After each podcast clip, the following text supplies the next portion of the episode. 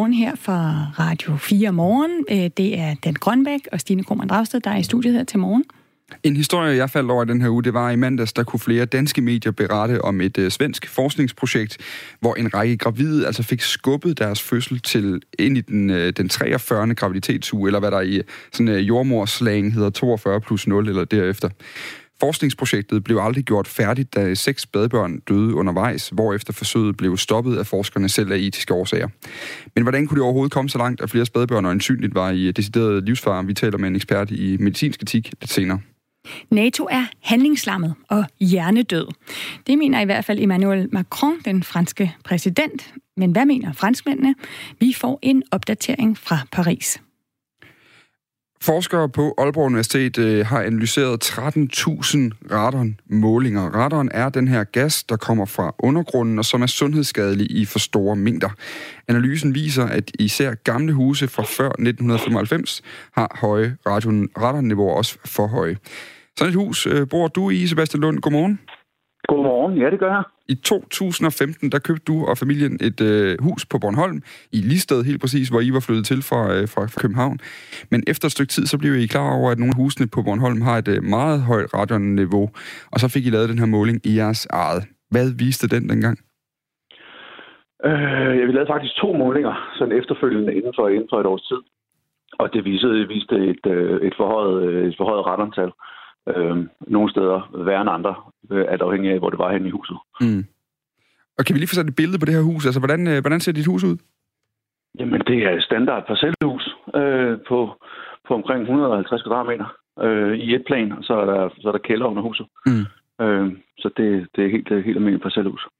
Og, og det her hus, det er altså bygget i 1965, øh, øh, så, ja. og, og, og I opdager jo så, efter I er flyttet ind, øh, I får lavet på målinger, så opdager I, at, at, at nogle af de her rum altså har de her meget høje niveauer.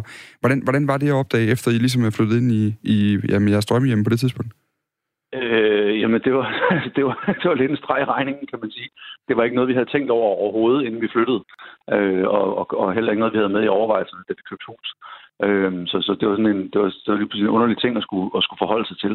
Øh, som vi, vi havde bare fået, fået noget at vide fra, fra en af min, min kones øh, øh gamle kollegaer, om at, at, at vi lige skulle være opmærksom på retter. Øh, så det, det var sådan en underlig ting at skulle forholde sig til lige pludselig. Hørte du først om retteren for allerførste gang, efter du havde købt hus? Jeg skal, ikke kunne, jeg skal ikke kunne afskrive, at jeg har hørt en lille smule om det inden, men, men, men det var ligesom første gang, jeg sådan på den måde dykkede ned i, mm. Øh, hvad det var. Og du, du bor der jo med din, øh, din kone og med øh, jeres børn, to styks, og øh, altså, hvad betyder det helt konkret i forhold til, til jeres sundhed? Altså, øh, sådan som, sådan som altså, jeg, sådan, så jeg har kunne undersøge omkring, omkring radaren, så er det jo noget, der, der kan man sige, der, der, der sker længere hen ad vejen i forhold til, mm. hvad, hvad, de, hvad de skadelige virkninger kan være. Altså, nogle af de ting, vi gør, det vi, vi lufter bare meget mere ud, end vi gør, end vi, vi vil gøre normalt. Øh, først og fremmest. Og så har vi haft en, så har vi haft en konsulent ude for lige at, at gennemgå huset og få en, få en snak og få nogle bud på, hvad, hvad vi kan gøre fremadrettet. Mm. Er I bekymret for det? Øh, det er vi nogle gange. Øh, det, det er sådan lidt out of sight, out of mind. Øh, så nogle gange, så, så bliver vi lige mindet lidt om det. For eksempel, når, når, når I henvender jer, så, så kommer snakken op igen. Så, så nogle gange, så, så kører dagligdagen. Og så går der måske et, et, et halvt års tid, og så, så snakker vi ligesom om det igen.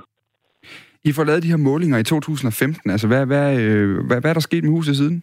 Nu siger det, I, I, lufter, I lufter meget ud, men, øh, men øh, har, I, har I gjort noget i forhold til, til renovering? Altså, ikke, det er nogle enkelte ting, er jeg så småt i gang med. Så der er, nogen, der, der er nogle helt øh, basale små øh, ting, man kan gøre. Det er, hvis der, hvis der er nogle små øh, ravner mellem øh, fodlister og, eller mellem paneler og gulv, så kan man altså faktisk bare selv lukke dem til. Det var mm. noget, konsulenten også sagde, så det, det er sådan så småt i gang med. Og så er der nogle andre tiltag, som vi, som vi, som vi vil gøre fremadrettet, men meget mere har vi ikke gjort. Hvorfor ikke? Kommer, altså, fordi jeg tænker, hvis du har øh, børn og, og så videre, så kan det ikke undgå, at det fylder noget en gang imellem. Øh, det siger du også der med, med det nok, øh, altså, at, at det ligesom kommer op. Altså, er man ikke, er man ikke ligesom, føler man sig ikke påtvunget til at gøre noget? Jo, det gør man. Og så, men, men som jeg sagde før, så, så nogle gange så kører dagligdagen derudad, mm. og så må man lave nogle, nogle prioriteringer i, i, den, i den daglige økonomi og med familie og sådan noget i forhold til de, de tiltag, der skal gøres. Fordi altså, med, der, der er stor prisforskel i forhold til, hvad, hvad man vil gøre, og hvad for nogle løsninger man vælger. Sebastian, øh, ryger du? Nej. Det gør du ikke. Fordi, Nej. øh, ved du godt, øh, hvorfor jeg spørger dig om det? Ja, det ved jeg godt, hvorfor. kan du fortælle mig, hvorfor? Jeg ved bare, at det hjælper ikke, øh, kan man sige. Nej, det gør, På- altså på- på risikoen helbred. ved, ved radionudsættelse, den er cirka 25 gange større for rygere end øh, for personer, som, øh, som aldrig har røget. Så, altså, så selvom der er stadig risiko for ikke ryger, så er det i hvert fald en ting, som øh, I, kan, I kan være glade for. Ja. Her til sidst, altså, men, men uanset om den, øh, man ryger eller ej, så ifølge Sundhedsstyrelsen, så er radon skyld i 9% af de danske lungekræfttilfælde hvert år. Øhm, Ja. Når det så dukker op, hvad, hvad, hvad tænker du så om det? Altså, hvad er det for nogle øh, tanker, der dukker op? Fordi det, det, altså, nu er jeg selv far, og det kan jeg lige så godt sige, det Ja. spiller også måske også ind på den måde, jeg spørger lige nu, for jeg tænker, det er sådan noget, der vil ryge direkte i hovedet på mig med det samme. Jamen, det er det også. Det er det også. Øh, og og mm, jamen, det, det er svært at sige, men vi kommer til at gøre nogle, det, vi kommer til at tage øh, en enkelt ting af, af ham, øh, vores konsulent, vi havde Mm. ude. Så en af hans, øh, hans øh, bud på, på, på en løsning, den, den kommer vi til at implementere, vil jeg næsten forestille mig, inden for de næste seks måneder. Mm.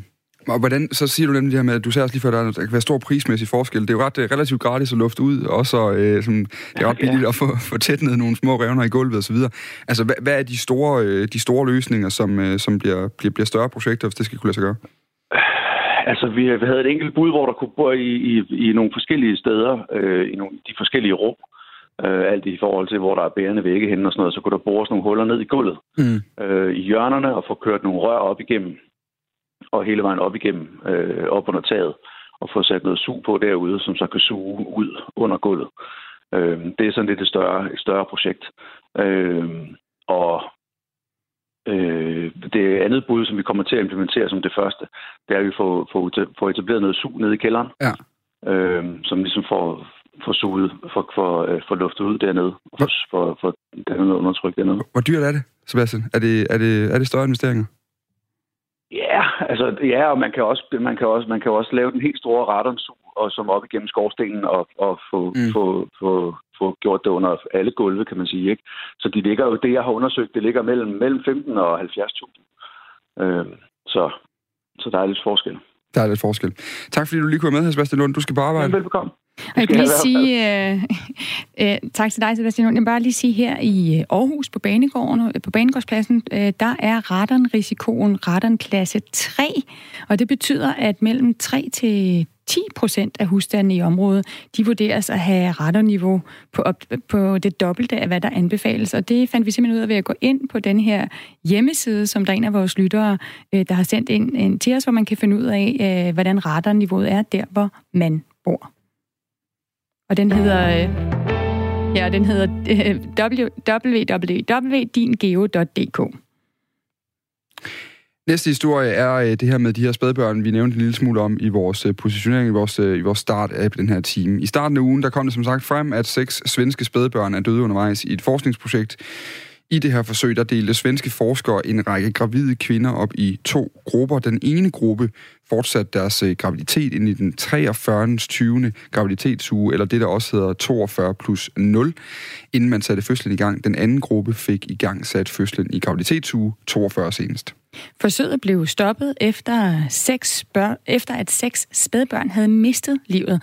Alt fra øh, den, øh, og alle dem, der mistede livet, undskyld, de var fra den gruppe af kvinder, som fortsatte graviditeten.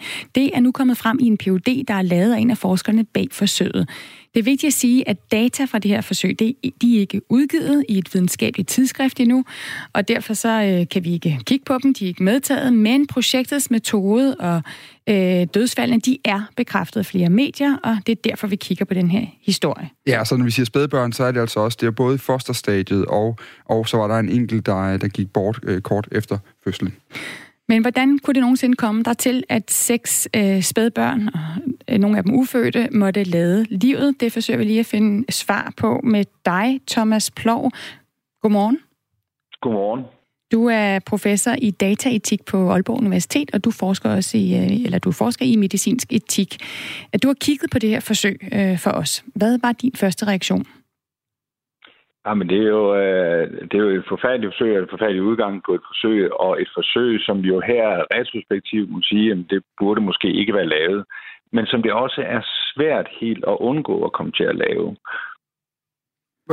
hvad er det for nogle ting, der gør, at du retrospektivt kigger på det øh, som, som ekspert på området og siger, at det burde nok ikke have været sat i gang? Jo, men altså, forsøg, der resulterer i menneskers død, øh, er jo forsøg, vi ikke bør lave. Altså, der er jo masser af viden, vi, øh, vi kunne opnå, hvis vi var fuldstændig ligeglade med, hvordan det gik mennesker. Ikke? Altså, man kunne have en interesse i at lave studier i at se, hvor hurtigt folk de udvikler lungebetændelse, eller om det øger risikoen for at udvikle lungebetændelse, hvis vi øh, sætter dem ud i frostgrader, eller hvad ved jeg. Men den viden kan vi jo ikke få. Sådan nogle forsøg kan vi ikke lave, fordi det vil indebære menneskers død. Og det er lidt det samme her, kan man sige. Altså, der er en viden her, som... Øh, vi har jo en idé ligesom i tilfælde med lungebetændelse. Vi har en idé om, at hvis kvinder går øh, langt øh, ud over de 40 uger i graviditeten, jamen så har det øh, øh, potentielt den risiko, at øh, børnene dør af det. Så vi har en ret god idé om det, og det er jo så god en idé, at det ligger i politikerne. Så i Danmark, der i gang sætter man jo fødslen inden udgangen af uge 42, fordi vi har en ret god idé om allerede, at hvis ikke vi gør det, så kan det risikere i barns død. Og så er det jo et spørgsmål, om man skal lave forsøg.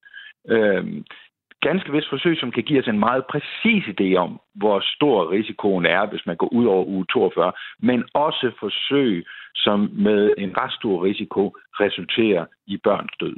Og så må man spørge sig selv, skal man så lave sådan nogle forsøg? Thomas Blå, er det det, der er det uetiske i det forsøg, som du ser det? Altså, at man, her, man har en ret stærk idé om, at noget øh, kan være farligt direkte med dødelig udgang øh, for nogle spædbørn, og derfor skulle man ikke have startet det? Ja, ja, præcis. Det gør det i hvert fald meget problematisk. Altså man kan sige her, altså spørgsmålet er jo, hvorvidt man udsætter de her møder og de her børn for en risiko, som man ikke allerede gør.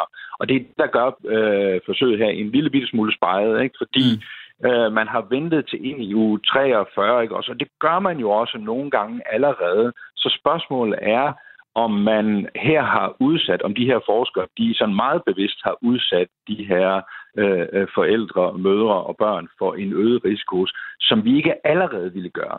Hvis man har gjort det, så kan man sige, så synes jeg, det er forsøg, man ikke burde have lavet. Vi kan lige sige, at i forsøget der medvirkede øh, 10.000 gravide kvinder, som var delt ind i to grupper. Den ene gruppe, de fortsatte altså deres graviditet ind i den 43. 20. graviditetsuge, eller det, der altså også hedder 42 plus 0 på, i jordmoderslang, inden man satte fødslen i gang, mens den anden gruppe fik i gang sat fødslen i graviditetsuge 42. Og man stoppede altså forsøget efter, at 2.700 kvinder havde været igennem det, fordi på det tidspunkt, der var der altså seks børn, der var døde, og de hørte alle til den her gruppe af gravide, der gik ind i den 43. uge. Øhm, hvis man nu kigger lidt anderledes på det, så kan man jo sige, at de, øh, de svenske forskere efter det her forsøg, de ved vel så også en hel del mere om, øh, hvad der er for en risiko ved øh, at igangsætte eller ikke igangsætte fødsler. Altså en meget vigtig viden, vi har fået nu. Det kan man sige. Altså, nu gennemførte de jo ikke studiet, så man har jo ikke helt fået de data, man egentlig gerne vil have. Øh, men der er ingen tvivl om, at alle er jo blevet klogere, øh, og øh, det har jo ført til revision af politikken for i flere lande for igangsætning af fødsler osv. Så, så, så, så det har jo haft konsekvenser. Vi alle er blevet klogere. Så der opstår altid sådan et spørgsmål efter sådan nogle forsøg. Ja, okay, måske burde vi ikke starte de her forsøg, men når vi nu har lavet forsøgene øh, øh, med de forfærdelige konsekvenser, det i det her tilfælde har haft, men hvad skal vi så gøre med den viden? Og der tror jeg jo også, det er vigtigt, at den her viden bliver publiceret, øh, og den bliver delt også igennem medierne osv., og, og den øh, kommer ud i den kliniske virkelighed, og og for spiller en rolle sådan, at man øh, øh, hvad hedder det, får i gang sat fødslerne tidligere. Øh, Altså Sverige, øh, kan vi sige, er jo ikke noget forskningsmæssigt uland. Øhm, kunne de samme fejl øh, ske her i Danmark? Ja, altså, øh, altså der, vi, I Danmark har vi jo et, et, et komitésystem, et videnskabeligt komitésystem, og det betyder, at når man skal lave forskning, så skal man have det godkendt et sted. Det er ikke bare sådan, at får man en god idé, altså så skal man selv foretage en vurdering af de risici, der er forbundet med den. Nej, man sender det ind til så en komité, som tager stilling til, om det er et forsvarligt forsøg. Det har man også i Sverige. Øhm, og øh, svenskerne ligner os jo meget på mange punkter. Øhm, så så øh, i, altså sådan noget kunne jo godt ske i Danmark. Altså vi mangler stadigvæk at finde ud af helt præcist, om man sådan virkelig meget bevidst har udsat de her øh, øh, børn og forældre og mødre øh, mm. for en risiko, som man ikke allerede udsat dem for. Mm. Men jeg vil umiddelbart vurdere, at sådan noget her kunne også godt forekomme i Danmark. Helt øh, kort, øh, ja nej til sidst, Thomas Plov. Er der nogen grund til at være værre eller blive ekstra nervøs for at medvirke i medicinske forsøg her i Danmark? Nej, det skal man, øh, det kan man være øh, rolig og tryg ved. Vi har øh, en masser af dygtige læger og forskere, og vi har et, et komitésystem, som vurderer forskning og så videre, så man kan være helt tryg. Men man kan ikke være ukritisk. Man kan aldrig være ukritisk. Man skal altid, når man indgår i sådan nogle forsøg, vide og forholde sig til, at man påtager sig en øget risiko, mm. og det skal man selvfølgelig altid være kritisk overfor. Tusind tak, øh, Thomas Plov, og vi kan bare lige sige, at inden længe, der ventes det, at de konkrete resultater af forsøget, de bliver offentliggjort, altså selvom forsøget blev stoppet, så bliver de offentliggjort i det meget velansete videnskabelige tidsskrift British Medical Journal, øhm, og når de bliver det, så skal vi nok kigge på historien igen. Så vender vi tilbage til 1989. Cirka øh, klokken 19 om aftenen den øh, dag, der er partiledelsen i Kommunistpartiet har tidligere på dagen besluttet, at overgangene skal åbnes om morgenen den 10. november. Det er altså overgangene øh, over igennem Berlinmuren. Det er memo, det fik talsmanden for partiet bare ikke lige, inden han gik på et pressemøde foran hele verdenspressen og proklamerede, at grænseovergangene i Berlin, de var åbne nu. Værsgo. Nyhederne de spreder sig lynhurtigt, og nu står der altså nogle grænsevagter op på toppen af muren med et ret stort valg. Koldkrigshistoriker og professor fra Saxo Instituttet, Paul William, fortæller. Vagterne har, har jo ikke fået nogen direkte øh, instruktioner øh, de har set i, i fjernsynet, altså pressekonferencen bliver, øh, bliver vist i, i fjernsynet, så det, det har de i fjernsyn og radio. Og øh, her har vi jo så et medlem af partiledelsen, øh, Schabowski, så, som siger, at øh, så vidt han ved, så, så gælder de her øh, frie øh, øh, udrejseregler, de gælder omgående. Og øh, når et medlem af partiledelsen siger sådan, ja, så må man jo gå ud fra, at det er rigtigt, og så må man jo øh, præge ordre og, og, og så åbne grænsen. Og det er vel det, der sker øh, for de øh, grænsevagter, som står helt nede på jorden og, og, skal, og skal åbne grænsebommen, så at sige. Og, øh, og vi kan også se faktisk på, på tv-billederne, som blev vist derfra, at i starten, så prøver man at tjekke lidt de forskellige, altså øh, de, de folks øh, øh, øh, altså person, øh, ID og så videre.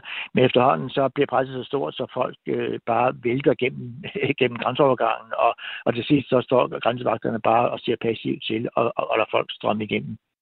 I princippet, Altså, det skal vi huske. I princippet så har vagterne altså stadigvæk en stående ordre om at løsne skud, hvis folk forsøger at krydse grænsen. Men vagterne, de trodser så den stående ordre og følger i stedet for ham her Schaborskis ord fra fjernsynet. Man skal også gøre sig klart, at at vi er altså i en meget, meget presset situation, og, og der er ret kaotiske forhold i Østberlin på det her tidspunkt, og altså øh, øh partiledelsens møde der om eftermiddagen øh, var også relativt kaotisk, og der var forskellige ændringsforslag til, til det her øh, udrejsedirektiv, øh, og, og, og, øh, og, og, og der er faktisk kort sagt forvirring. Og samtidig har vi altså det her menneskehav øh, presset fra, fra, fra folk, som, som demonstrerer i gaderne og, og som står langs med muren og, og, og, og venter.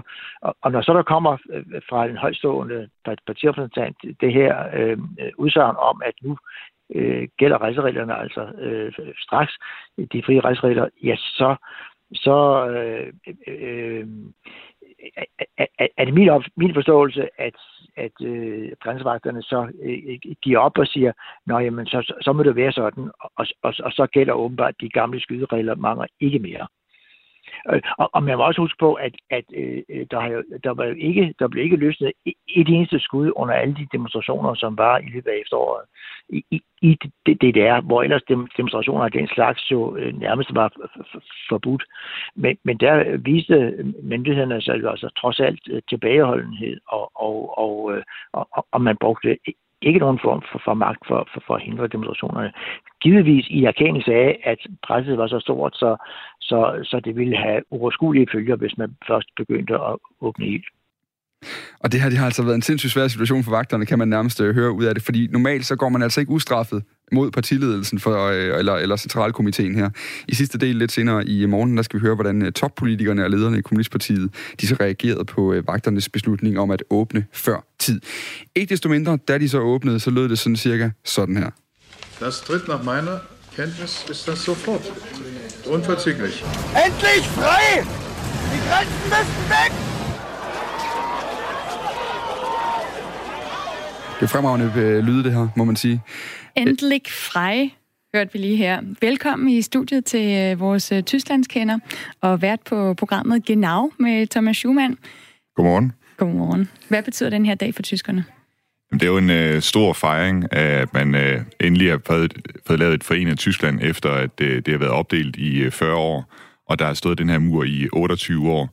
Altså det var jo sådan, at da muren den blev opført, så opdelte det jo også øh, familier. Altså hvis du boede i Vestberlin for eksempel, og du havde din bedstemor, hun boede i Østberlin, så den dag øh, muren blev opført, altså så er det bare too bad. Du kan ikke komme over og besøge hende mere for småkager og, og kaffe. I dit program Genau, der har du jo øh, ringet øh, tilfældige tyskere op for at høre, hvad de lavede lige præcis øh, den dag, hvor muren faldt. Lad os lige prøve at høre det. Du lytter til Radio 4.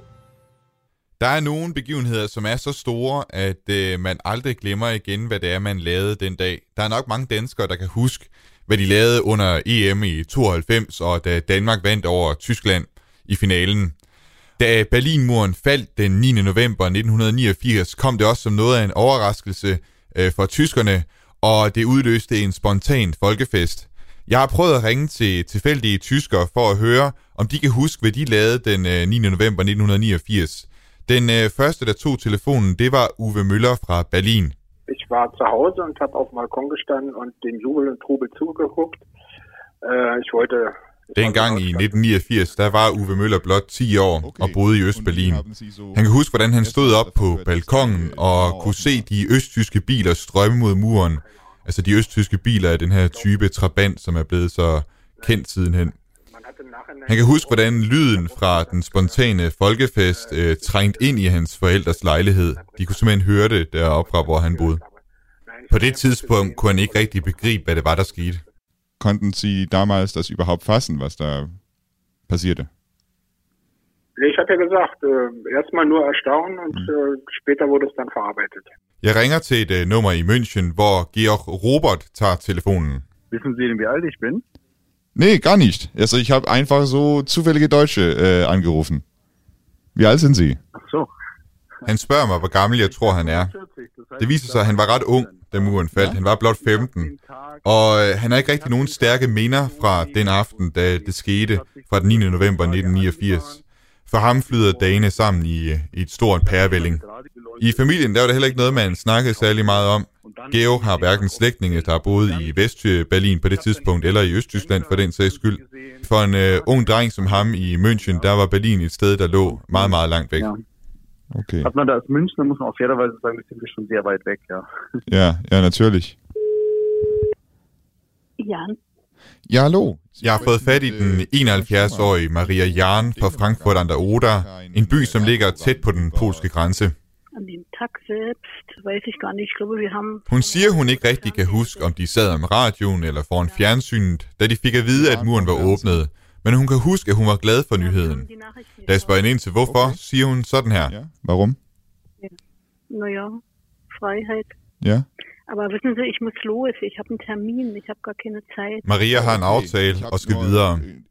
Jeg ringer til Berlin igen. Na, ich habe im Moment überhaupt keine Zeit. Keine Zeit? Herr Affeldt har heller ikke rigtig tid. Han vil ellers gerne, men han har aftensmad på panden, og den er ved at brænde på. Ihr Essen ist gerade fertig. Also Das, das dauert nur einen kurzen Moment. Fünf Minuten höchstens. Trotzdem, es geht nicht. Es verbrennt mir doch auf der Pfanne. Okay, okay, naja. Das, das geht nicht. Okay. Det er altså ikke sådan, at øh, den her begivenhed, det er noget, der er mejslet ind i hukommelsen, hukommelsen for øh, enhver tysker. Og øh, jeg tænker også, at det heller ikke nødvendigvis er noget, som alle danskere de har fået med, hvad der helt præcis skete den dag, øh, den 9. november 1989, og hvad der gik forud. Så øh, her der skal vi lige have et, øh, en hurtig øh, historisk øh, gennemgang af, hvad det var, der skete den dag får nok ikke den der øh, hurtige historiske gennemgang her i øh, programmet, men vi har ligesom vi har, vi har øh, zoomet ind på nogle, øh, nogle andre scener. Men øh, Thomas Schumann, det er jo et fantastisk bånd det her, især det der øh, Naja Freiheit, øh, der, der dukker op fra, fra den ene, du taler med. Der er gået 30 år nu, og der er en del mennesker, der ligesom er vokset op under øh, murens fald. Hvordan har det været for, for dem? Jamen altså, jeg har jo talt med en øh, forfatter til en bog, der hedder Nachwendekinder, og Nachwendekinder, det er sådan en betegnelse for den her generation af mennesker, der er født omkring øh, murens fald, altså som, som er vokset op i egentlig genforenet Tyskland, men som har arven fra DDR, altså har forældre, der er socialiseret, hvad skal man sige, øh, altså kendt mest til, til DDR. Og for dem der har det jo været sådan, hvad skal man sige, øh, på mange måder lidt svært at skulle håndtere det der med, at de øh, egentlig, hvad skal man sige, vokser op i et genforenet Tyskland, men tit er blevet mødt som østtyskere, mm. øh, når det er, de har været sammen med vesttyskere. Thomas Schumann, bare lige kort her til sidst. Hvad er der af spor og rester tilbage øh, efter murens fald i det tyske samfund? Det er svært at svare kort på, det ved jeg godt. Altså, der, man plejer jo at sige sådan noget som arbejdsløsheden er højere, og hvad hedder det, la- lønnen er lavere i, øh, i Østtyskland for eksempel. Der er ikke nogen af de her rigtig store øh, virksomheder, der har hvad skal man sige, slået igennem i Østtyskland heller. Og du ser også politisk, at uh, du har nogle partier, som klarer sig meget bedre i Østtyskland, end de gør i Vesttyskland. Så der er stadig rester. Thomas Schumann, vært på vores Tysklandsprogram Genau. Øh, tak fordi du kiggede forbi. Man kan gå ind på podcasten og lytte til det program, du allerede har lavet, som jo netop handler om øh, murens fald. Øh, så hvis man vil høre mere om det, så gå ind på vores hjemmeside. Det er i morgen, det er 30-året for Berlinmurens fald. Det er til gengæld klokken lige nu, halv otte, at der er et øh, nyhedsoverblik med Per Koldstrup Winkel.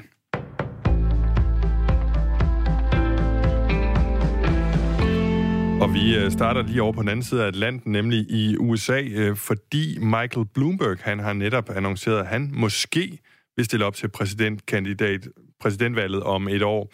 Det skriver, han, det skriver New York Times. Og jeg skal lige høre dig, Stine. Du øh, står derinde. Kan, øh, er du overrasket? Du øh, bor jo i hvert fald, har boet en del i USA. Er du overrasket over, at Michael Bloomberg måske bliver præsidentkandidat? Øhm, Bloomberg, det har vi jo hørt om en hel del gange, at øh, han overvejer at stille op, så øh, det er måske ikke så overraskende. Hvor succesfuld han vil blive med det, det, det er så et andet spørgsmål. Det er en helt anden sag. Den kommer vi tilbage til lidt senere i nyhederne, fordi vi starter med en anden amerikansk nyhed, som har rodfæste på dansk jord, nemlig de F-35-fly, som det danske militær har bestilt i USA. Regeringen de er klar til at bruge 230 millioner kroner til at kompensere de naboer, der bliver pladet af støj, når flyene skal operere fra flyvestationen Skrydstrup i Sønderjylland. Det fremgår af en udkast til en aftale, som DR Nyheder er kommet i besiddelse af. Dermed er der tale om en markant udvidelse af hjælpen til de støjramte naboer end der hidtil har været lagt op til. Den tidligere regering lagde op til at bruge 30 millioner kroner på at kompensere naboer for støj.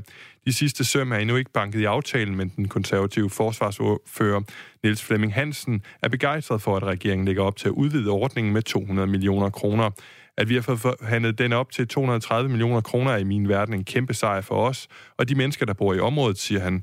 Ifølge udkastet vil hjælpen blive bygget op om en rød og gul zone. Zonerne er udformet efter, hvor meget flyene larmer. De godt 100 ejendomme, der er tættest på flyvestationen, får mulighed for at blive købt ud af deres bolig. De godt 1500, der ligger lidt længere væk, vil få tilbudt støjisolering. Beboerne får 10 år til at overveje, hvad de vil gøre. Mængden af den giftige gas radon overstiger i rigtig mange ældre huse den anbe- det anbefalede niveau. Det viser en ny analyse fra Aalborg Universitet. Radon kan, hverken, kan man hverken, hverken mærke eller se eller lugte. De, den radioaktive gas findes naturligt i undergrunden og kan sive op i husene gennem utætheder i kældergulvet. I Danmark dør hvert år 300 mennesker af lungekræft på grund af radon. I undersøgelsen har forskere analyseret 13.000 radonmålinger i almindelige etfamilieshuse. Analysen viser, at huse bygget før 2010 har markant højere radonniveau end i huse, der er bygget efter 2010. Det ser værst ud for de huse, der er bygget før 1995. Her har 40 procent af alle huse et niveau af radon, der overstiger grænseværdien.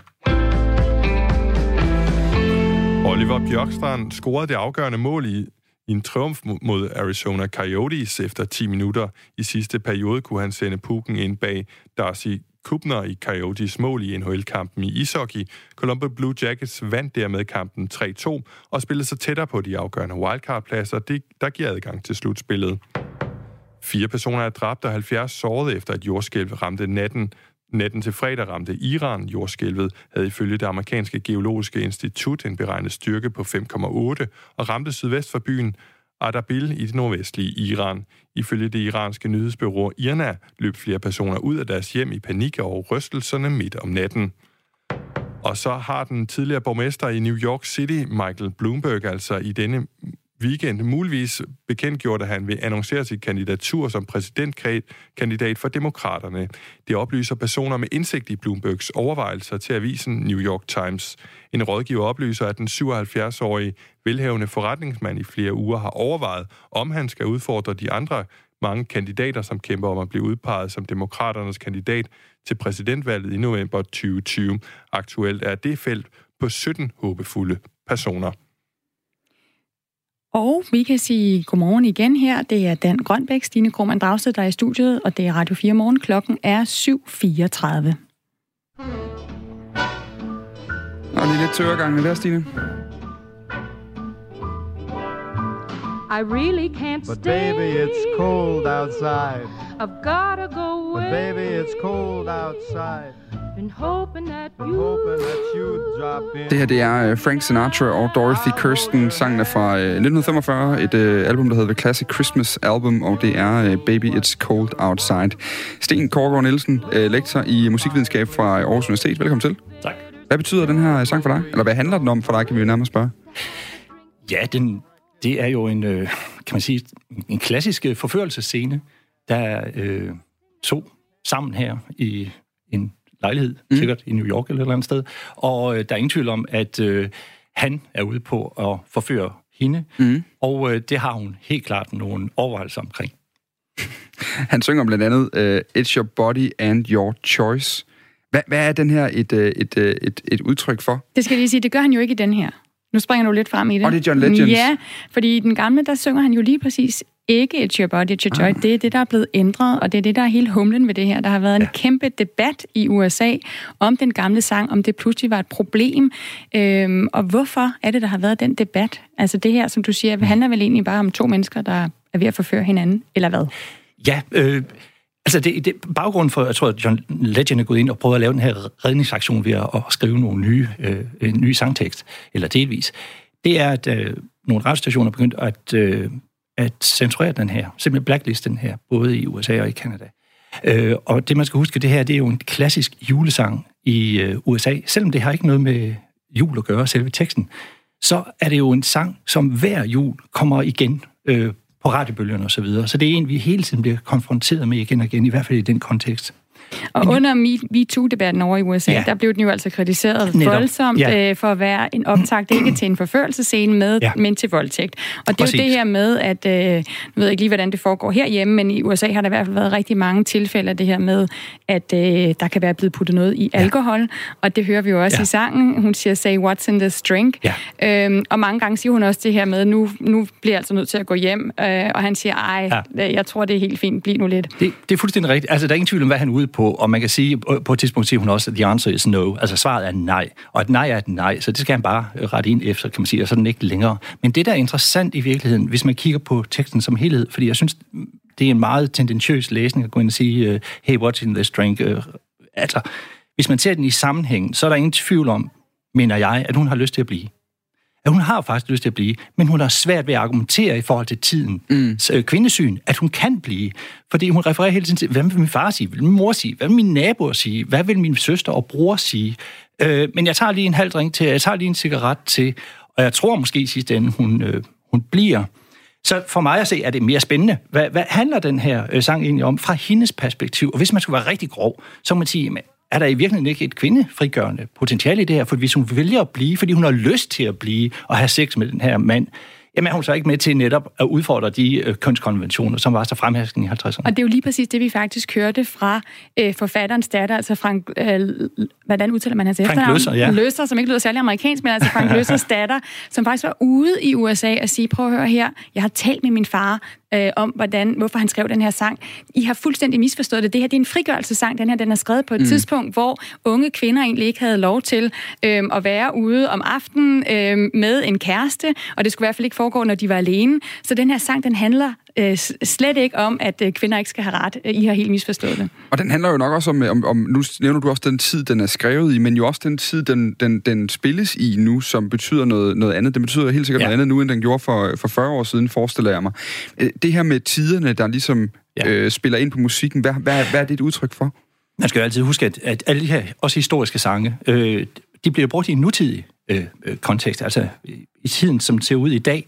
Og det er slet ikke usædvanligt, at radiostationer går ind og faktisk øh, censurerer populær musik. Altså det sker for eksempel i forbindelse med terror 9-11, kunne man pludselig på Danmarks Radio ikke spille, eller valgte ikke at spille Peter, Bell, Peter Bellis øh, øh, København fra en DC9 for eksempel. Mm. Øhm, fordi man ligesom tager, øh, tager hensyn til en folkestemning, eller øh, altså, øh, forsøger ikke at, at være stødende i en meget sensibel øh, situation. Og det, og det kan man sige, her er det jo øh, så MeToo-bevægelsen måske, som man går ind og forsøger at tage øh, et, et, et hensyn til. Og sige, okay, den læsning, i dag, hvis vi laver den læsning, jeg kan godt forstå, at man kan blive inviteret til at lave den læsning. Jeg synes, den er meget tendentiøs. Øh, mm. Øh, så, øh, så kan man sige, jamen, så er det jo redaktørerne på radiostationerne, der, der tager det valg, redaktionelle valg. Øh, jamen, skal vi simpelthen blackliste den her sang, fordi den... Men kan du ikke også forstå, at man i dag ser det helt anderledes? Altså i dag, hvis jo. unge kvinder lytter til den her, jo. så hører man jo ikke en frigørelsesang. Så hører man faktisk en, i hvert fald, hvis man, tilhører, hvis man ikke har tilhørt den tid, så tror jeg, der er rigtig mange unge kvinder, der hører en, der prøver at sige nej, og en, øh, der, ja. prøver, der ikke accepterer ja. det nej. Og det, og det mener jeg også, at, at, at det er jo det... Øh, jeg kan kalde det et dilemma, men det, men det er det valg, vi står overfor. At, øh, skal man, skal man øh, øh, vælge at sige, i den her kontekst, øh, der, der giver den her mm, øh, øh, mest oplagt den her betydning. Men jeg synes stadigvæk, det er en meget tendentiøs læsning, man siger. Og hvis jeg skulle være djævelens advokat, så vil jeg sige, hvis man skulle jagte efter en daybreak øh, tema i den her sang, så er det virkelig en hende, der øh, signalerer den, fordi hun siger på et tidspunkt, jeg har i hvert fald tænkt mig at sige, at jeg forsøgte Altså, dagen efter at sige, jamen jeg forsøgte i hvert fald at gøre modstand, men hey, for mm. at redde sin ære. Og så kan man sige, jamen så, så skal den selvfølgelig censureres, fordi så er det pludselig en sang, der handler om øh, falsk anklage. Men, Opfordrer til falsk anklage. Men det er jo sindssygt interessant det her, fordi omvendt så kan man sige, den er jo, øh, den siger jo, øh, da Frank Løsner skriver den her, Løsner skriver den her, så, er det jo ikke, så siger han ikke noget om år 2019, men den siger jo noget om det tidspunkt. Altså kan man bruge sangen til noget andet, end at læse den ind i en kontekst nu? Er den egentlig et, øh, et, et hvad kan man sige, et brev fra en anden tid, som er forsvundet? Jamen, det er den jo også. Altså, og, det, og det kan godt blive sådan lidt, lidt langhåret akademisk, men altid siger, at man, I skal lige huske at læse den øh, i den kontekst, den var skrevet i, den mm. tid, den var skrevet i. Og der var jo øh, kønsnormer var noget andet, og øh, kønsroller osv. osv. Øh, og, og det er ikke altid, man har tid eller mulighed for de der mellemregninger. Øh, men jeg synes dog her, jeg synes, man har valgt et, et altså et, et, et dårligt øh, eksempel. Øh, der er mange flere øh, populære sange derude, som er meget mere fjende, øh, kvindefjendske og, og så videre. Som hvad, jeg hvad mener. kunne det være? Det, er det sådan, lad os få lavet listen over dem, der står på skud Listen over, altså uh, The Beatles uh, har der bidraget uh, blandt andet med Run For Your Life, mm-hmm. uh, som jo uh, direkte siger, at altså, hvis jeg fanger dig, uh, når du er sammen med en anden mand, så uh, slår jeg dig ihjel, ikke? Og, og den er baseret på en 10 år ældre Elvis-sang, Baby Let's Play House. Mm. Samme, så der er vi tæt på hele næsten ideen om æresdrab, altså kvinden som mandens ejendom, og hvis hun træder ved siden af, så er man faktisk ret til at slå hende ihjel, ikke? Mm. Eller du kan tage uh, Polices um, Every Breath I Take, som jeg tror rigtig mange kender. Kæmpe hit. Det er jo indbegrebet af en stalker-sang. Det er simpelthen... Øh, jamen altså, læs teksten. Det er stalking. Every breath you take, I'll be watching you. Mm. Altså, uanset hvad den kvinde måtte foretage sig, så er han der og overvåger hende. Og her til morgen fik vi altså dermed lige ødelagt ja. øh, den her sang, som måske ellers var blevet set af os mange som en lidt romantisk øh, sang, vi kunne gå og lytte til. Sten Kårgaard Nielsen, lektor i musikvidenskab ved Aarhus Universitet. Tusind tak for besøget. Ja, selv tak. Og så kan vi altså, i dag kan vi altså høre John Legend og Kelly Clarkson synge den her opdaterede øh, version, som, øh, som måske er lidt mere MeToo-venlig. Den franske præsident Emmanuel Macron, han er ikke bange for at tage bladet fra munden og sige, hvad han mener. Og det beviser han nu igen i et interview med magasinet The Economist, hvor Macron kalder NATO-alliancen for hjernedød og handlingslammet. Camilla Åkerblom, nu skal vi gerne have dig med fra Paris. Ja, godmorgen. Godmorgen. Du, du underviser på en skole i Paris, du følger de franske medier. Med den her udmelding, øh, der har Macron jo sikret sig overskrift mm. på rigtig mange internationale medier. Vi har også allerede fået en masse reaktioner fra Angela Merkel og fra Putin. Mm. Hvor meget ja. fylder den her øh, udmelding øh, fra Macron i Frankrig? Jamen, den fylder da bestemt også her. Øhm, det er også, øh, vi kan sige, også overskrifterne her til morgen, både i Le Figaro og i Le Monde. Øhm, han jo kan man sige, er ude med riven efter NATO, øhm, som man jo kritiserer for manglende koordinering øh, mellem medlemslandene og manglende koordinering med EU.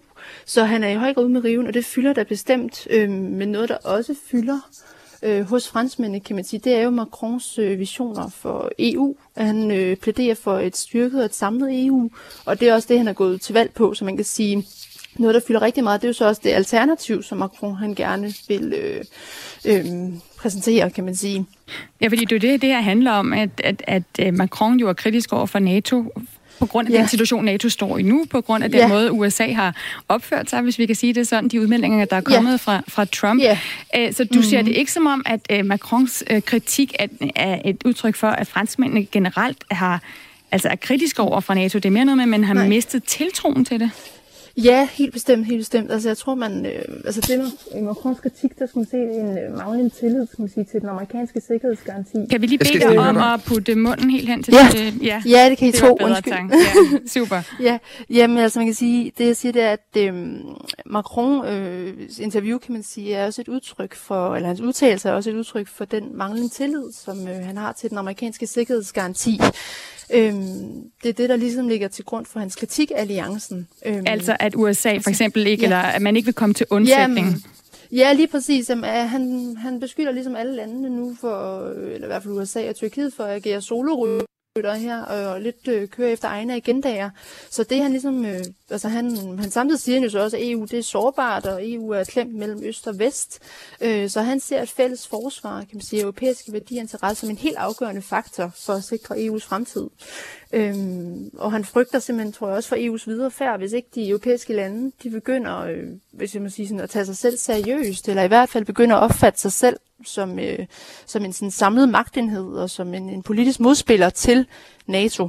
Er det noget, der har bred opbakning i Frankrig? Altså den her holdning til, at nu skal Europa på banen og, og, og. Ja. og spille en større rolle, også når vi snakker forsvar? Det er det, ja, det er det. Øhm, den, øh, ved, jeg, det, det møder bestemt opbakning, øh, både i egne og øh, i hans politiske modstanders række, kan man sige.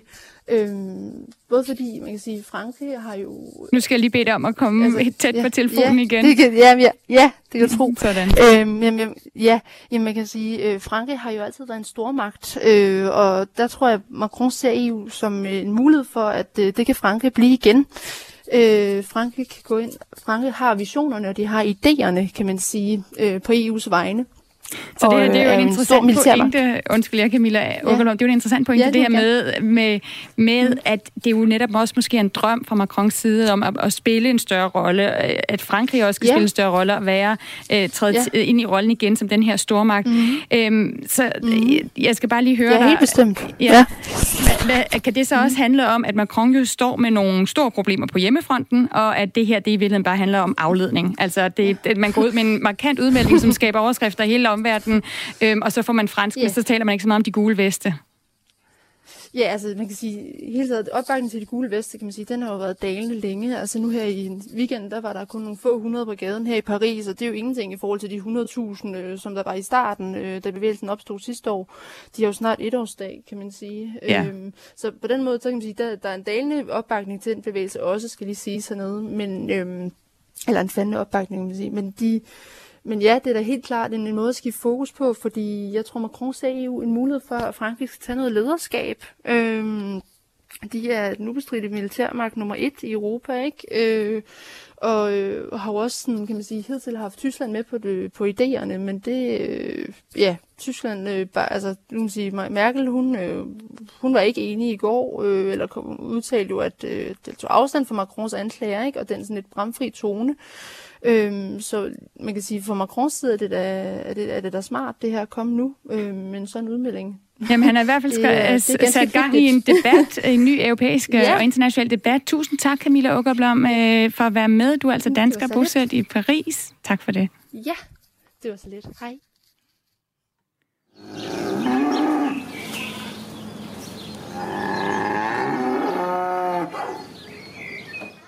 Dem her, de har øh, leveret øh, mælken til øh, min morgenmad, men de er også nogle øh, satans metansønder, og derfor er også udskældt for ikke at være særlig klimavenlige. Køer danner nemlig en øh, del af den her klimagas øh, metan, når de for eksempel tykker drøv. Og når de så bøvser eller prutter, så kommer det ud i atmosfæren, men nu kan der være en løsning på vej, og den kommer. Øh, I hvert fald det er delvist lidt for dig, Mette Olof Nielsen. Godmorgen. Kan du høre mig derovre i studiet? Jeg kan sagtens høre dig, ja tak. Fantastisk. Du er professor på Institut for Husdyrsvidenskab ved Aarhus Universitet. Velkommen til. Og øhm, hvad er det for et forsøg, du har været med til at lave, som måske kan føre til, at vi helt kan stoppe udledningen af, af metan hos køer? Ja, det vi har lavet, det er noget, der er foregået på Københavns Universitet, hvor jeg også har været ansat. Og det er sammen med nogle gode kollegaer på Institut for Veterinær og Husdyrvidenskab der, hvor vi har et laboratorie, hvor man i øh, glas kan simulere det, der foregår nede i vommen på en ko. Det vil sige, at man kan tage noget foder, man kan tilsætte noget vomvæske, og så kan man lade det stå og forgære. Og det er under den her forgæring, at koen danner øh, gasser. Den danner også øh, CO2, som, øh, som jo også er en klimasønder, men hvis koen danner CO2 i sig selv, mm. er det for så vidt klimaneutralt, fordi det, ko, det CO2, som koen udleder, er jo noget, som i tidernes morgen er blevet optaget af de planter, som har fixeret CO2 fra, øh, fra øh, atmosfæren, og som koen så senere hen æder. Så det er sådan set ikke det, at koen udleder CO2, der er et issue, men det issueet er, at der nede i vommen lever nogle særlige mikroorganismer, der hedder arkæer. Og de her arkæer, de kan lave CO2 og brint, som også bliver dannet i vommen, om til metan. Og metan er 28 gange mm. så potent som en klimagas i forhold til CO2.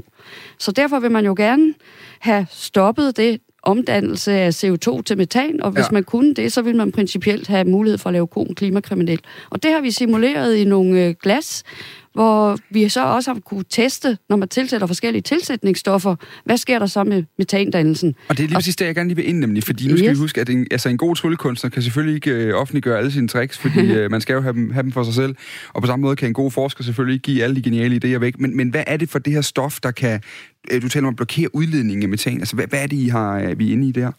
Jamen det vi er inde i, det er, at øh, vi har jo siddet og kigget på, hvordan, hvad det er for nogle forskellige systemer, enzymsystemer og sådan noget, som, skal være, som de mikroorganismer bruger, når de skal lave metan. Mm. Og så har vi fundet et stof, der kan gå ind og blokere nogle enzymer. Og det er ikke et nyt stof, det er ikke et stof, der, er, der ikke har været kendt, man har bare ikke kendt det lige i den her sammenhæng. Og så har vi fået den idé, okay, lad os prøve at teste, se hvad der sker, når vi tilsætter det her ned i vores glas. Og så har vi altså fundet, at så stoppede det fuldstændig metanudledningen. Mm. Og det fortalte jeg om i går, da jeg var øh, til et foredrag, og det er åbenbart rigtig mange, der har skrevet nogle avisartikler om, øh, med meget, meget store overskrifter, men vi er altså ikke længere end at have det i laboratoriet. Og det vi regner med og rigtig gerne vil gøre nu, det er, at vi skal ud og prøve det af i nogle levende køer. Fordi selvfølgelig er der et stykke vej fra at lave noget i laboratoriet, og så til at kunne se, at det faktisk virker i de levende køer.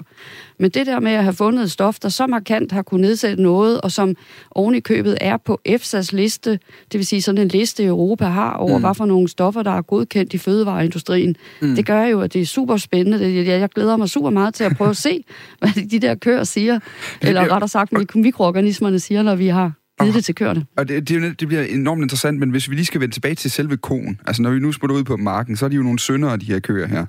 Og, og øh, når vi nu snakker om at, at, at gøre noget for klimaet, så snakker man tit om at droppe og spise oksekød, øh, drikke plantemælk i stedet for, øh, og, og så videre. Altså, er man ikke nødt til at gå mere, øh, mere håndfast til, til, til liv til, altså ligesom bare boykotte køerne? Hvorfor, hvorfor skal vi ikke bare have dem ud af landbruget? De er jo de er slemme som udgangspunkt for det, vi arbejder med her. Ja, det kan man også godt sige, at, det, at hvis man ikke finder ud af at få løst metan issue, så vil det nok være en, en, øh, et stigende pres, der i hvert fald vil komme på Mm. kvægproduktion. Vi skal have løst det her problem. Men omvendt, så kan man sige, kan vi få løst problemet, og vi kan få køerne til at lade være med at udsende alt det her metan, så er det jo i principielt så er de jo principielt øh, i det heldigste fald blevet øh, tæt på at være helt klimaneutrale. Og så må det jo være op til den enkelte forbruger at sige, okay, vil vi spise produkter, fødevarer, der bliver produceret på, øh, på levende dyr, eller vil vi producere noget, der bliver lavet i, det, i eller spise noget, der bliver lavet i et laboratorium. Mm. Hvis de to, de to alternativer er lige klimavenlige eller klimauvenlige, så bliver det jo et valg, forbrugeren kan tage. Mm. Og det, jeg jo synes er fascinerende ved køerne, det er, at øh, de kan jo bruge nogle forskellige biprodukter fra vores øh, anden Hvad, fødevareindustri. hvad kunne det for eksempel være? Ja, det kan for eksempel være, når vi høster korn, bliver der jo en masse halm tilbage. Vi kan ikke i vores fordøjelsessystem, også mennesker, udnytte halm overhovedet, fordi det kræver nogle særlige mikroorganismer, der kan det. Og dem har vi ikke ret mange af. De findes i gigantiske mængder i koens vom. Så alle de der biprodukter, der, der kommer, som indeholder mange fiberholdige stoffer, som vi ikke kan udnytte, jamen dem kan koen bruge.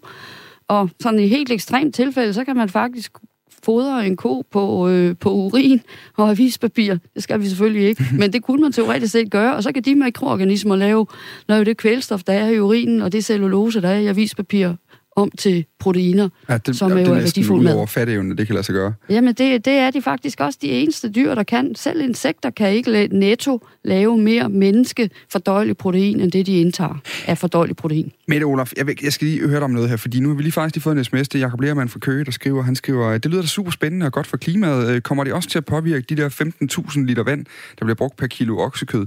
Der er vi stadig lidt langt til noget tilnærmelsesvis øh, klimavenligt. Han er så øh, typen, der selv undværer kød og mælk. Altså, det er bare det her med at sige, hvis vi får metanen væk af koen, så ligesom en, øh, en, øh, en, en, en, øh, så kan vi godt se, se bort fra, at den ligesom er, øh, er med i klimaregnskabet. Altså, hvor, hvor, god kan man gøre koen i sidste ende? Jamen, jeg vil sige... Altså, jeg, jeg, jeg skal ikke blande mig ind i den der, øh, den der debat omkring Nej. Det der oksekød, fordi jeg har ikke kendskab til de tal, og hvor meget vand, der lige bliver recirkuleret der. Mm. Og jeg har i særdeleshed ikke kendskab til, hvad der kræver af ressourcer at lave kunstig mælk og, og kød i laboratoriet, hvis det var Mm. det, man havde. Men som, men som jeg siger, hvis man selve vandbalancen, vand, det vand, der selvfølgelig producerer lidt, drikker koen meget vand, det er rigtigt, fordi hun producerer også meget mælk, Mm. og, og der er en stor del af det vand, hun indtager, som bliver udskilt i mælken, og så er der noget af det vand, hun indtager, som bliver udskilt i urin, men det bliver jo samlet op i det ejle eller gylde, der bliver, der bliver opsamlet fra staldsystemerne. Okay. Så hvor... Ja, det, det er også en anden ting, det, men det var meget rart lige, lige have den Ja. forbi, der nu vi har det med, fordi der er også en anden en, der skriver her, det er Tina, der skriver, så skriver hun, jeg spørger lige, om hun kan garantere, at det er risiko og smertefrit for køerne. Det kan jeg i hvert fald garantere, ja. Sådan. Fordi det, noget af det, der er i det stof der, som øh, vi tilsætter, det er faktisk et essentielt næringsstof for koen. Så det er noget, hun skal have tildelt alligevel, og det er noget, hun allerede får. Hun får det bare ind i en lidt anden slags form, end, end den, vi så vi skal teste, om, om kan virke på koen. I skal snart ud og prøve det her af i rigtige køer, ude ja. At se, om det virker inden for de næste par uger, har vi fået at vide øh, fra Ja, vores rapporter, håber der er lidt tidligere. Hvad, hvad er chancerne for, at det lykkes det her? Fordi det kunne godt lyde, som om vi har, øh, vi har alvorligt brug for det med det, Olaf Nielsen. Ja, det ville jo være dejligt, hvis jeg bare kunne sidde og slukke tal ud. Det kan jeg ikke. Jeg kan sige, at jeg er ikke i tvivl om, at hvis vi hælder det ind i tilstrækkeligt store mængder ind i koen, så skal vi nok få det til at virke, ligesom det også gør ned i glasene. Men spørgsmålet er selvfølgelig altid, om det vil komme til at virke i nogle mængder, som man overhovedet vil have lyst til at putte ind i de køer i den, i den virkelige verden, og det også er noget, der skal bruges til human fødevareproduktion osv. Så, videre. så det er det, det, det, svarene skal, skal give de næste uger, når vi prøver det af levende køer. Der Der, er altid et stykke vej fra laboratoriet til de levende dyr. Ja, og den er ofte lidt længere, end man forstår, når man står uden for laboratoriet. Det er det. Ja. Held og lykke med projektet med Olaf Nielsen. Jo, tak skal du have. Professor på Institut for Husdyrsvidenskab. Og jeg vil også gerne... Ja, Tusind tak. Og klokken er nu øh, fire minutter i otte, og inden øh, vi går til nyhederne, Dan, så har jeg øh, lige taget en artikel med ind øh, her i studiet, øh, som handler om Bolivia. Vi har jo øh, flere gange øh, de sidste par måneder hoppet rundt øh, øh, omkring i verden. Nogle af de steder, hvor der er protester, og det er der. Der er rigtig mange lande rundt om i verden, hvor at øh, folk er gået på gaderne.